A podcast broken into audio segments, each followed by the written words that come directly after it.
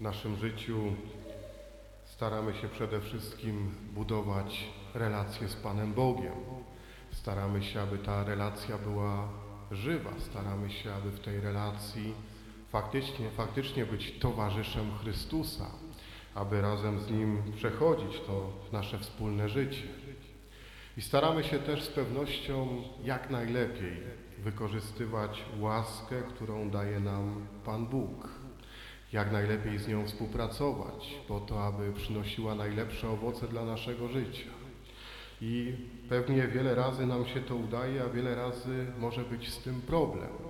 Jak sprawić, by dostrzec łaskę Pana Boga, którą mi dał, w jaki sposób ją wykorzystać, jak powinno się współpracować z nią. Dlatego dobrze, że dzisiaj mamy słowo, które nam pokazuje nieco z tej współpracy z łaską Pana Boga. Najpierw pokazując nam, jaki jest cel łaski, którą daje nam Pan Bóg. Tym celem jest zawsze tak naprawdę jedna rzecz zbawienie człowieka. Dostajemy od Pana Boga łaskę po to, aby być zbawionymi. Nie po to, żeby się nam wygodniej żyło, łatwiej żyło, ale po to, żeby nas ta łaska nawracała, kierowała w stronę Pana Boga i pomagała przejść życie w sposób święty. Łaska, tak jak widzimy to na przykładzie świętego Pawła, który dzisiaj bardzo pięknie mówi o tym, że Bóg dał mu łaskę nawrócenia i nie była to daremna łaska, że była to łaska, która go faktycznie nawróciła, ale to nie znaczy, że to była łaska dla niego, która uczyniła jego życie łatwiejszym. Wręcz przeciwnie. Pewnie w wielu momentach uczyniła trudniejszym niż wcześniej. Warto sobie to wyobrazić, gdyby to dzisiaj się wydarzyło. Święty Paweł, który otrzymuje wielką łaskę nawrócenia, teraz chce być chrześcijaninem, chce być we wspólnocie Kościoła, chce uczestniczyć w Eucharystii, przychodzi na Eucharystię i kogo widzi? Tych, których niedawno zamykał w więzieniu, tych, których chciał kamienować, tych, których zabijał. A oni kogo widzą? Wspólnota Kościoła widzi tego, który chciał im wyrządzić krzywdę. Nawrócenie świętego Pawła nie było prostą rzeczą. Ta łaska Boża prowadziła go przez trudną drogę, drogę do wspólnoty Kościoła, drogę do bycia apostołem, drogę do głoszenia Ewangelii. Ale nie było to nic, co by wskazywało na to, że łaska ułatwiła mu życie, ona mu pomogła, dała siłę do tego, żeby wytrwał w tym nowym powołaniu, żeby wytrwał w nawróceniu, żeby nie uciekł od tego, żeby ta trudność go nie przerastała. I to jest pierwsza bardzo ważna rzecz, że jak czekamy na łaskę Pana Boga, jak prosimy o łaskę Pana Boga, to bardzo często przyjdzie jako coś trudnego w naszym życiu, coś wymagającego, bo będzie prowadzić nas drogą nawrócenia, bo będzie Bóg chciał, żebyśmy coś w sobie zmienili. I tu jest druga ważna rzecz. Jak już człowiek odnajdzie tą łaskę, jak już zobaczy, że Bóg mu dał łaskę nawrócenia, tak jak święty Paweł, to wtedy jest potrzebna jeszcze współpraca z tą łaską. Święty Paweł mówi wprost, dużo się natrudziłem, więcej niż inni. Łaska Boża ze mną. To jest bardzo ważne. To się nie dzieje z automatu.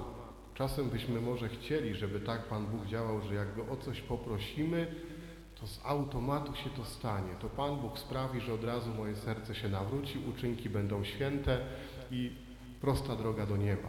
To tak nie działa. Łaska zawsze potrzebuje człowieka i jego trudu.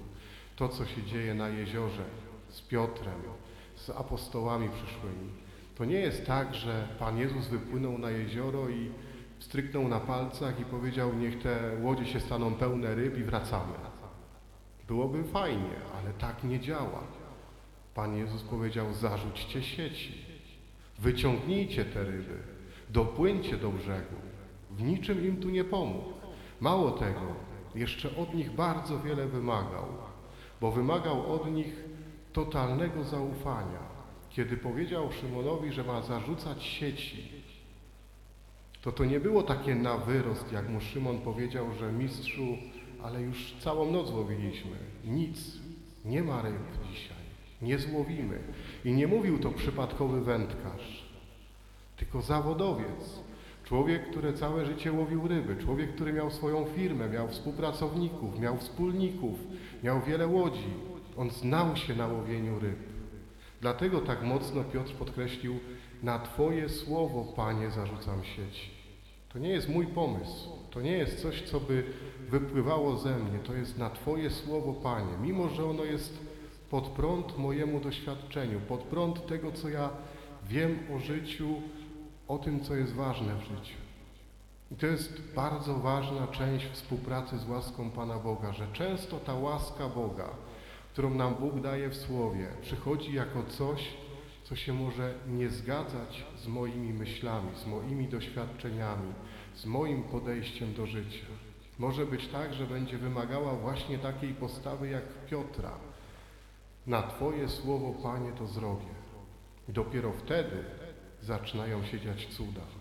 I to, że apostołowie wyciągli tak dużo ryb, to wcale nie jest jeszcze wielki cud. Prawdziwą mocą łaski Pana Boga jest to, że potrafi zmienić człowieka, że potrafi zmienić serce człowieka, że potrafi człowieka nawrócić, że potrafi człowieka poprowadzić drogą zbawienia. To jest prawdziwa moc i siła łaski Pana Boga.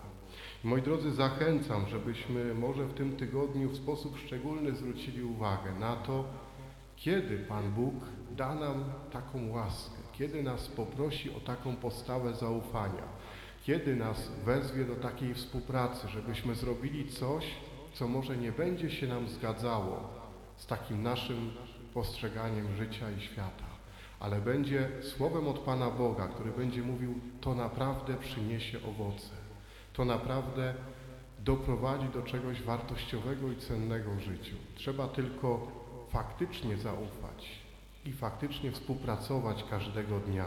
Amen.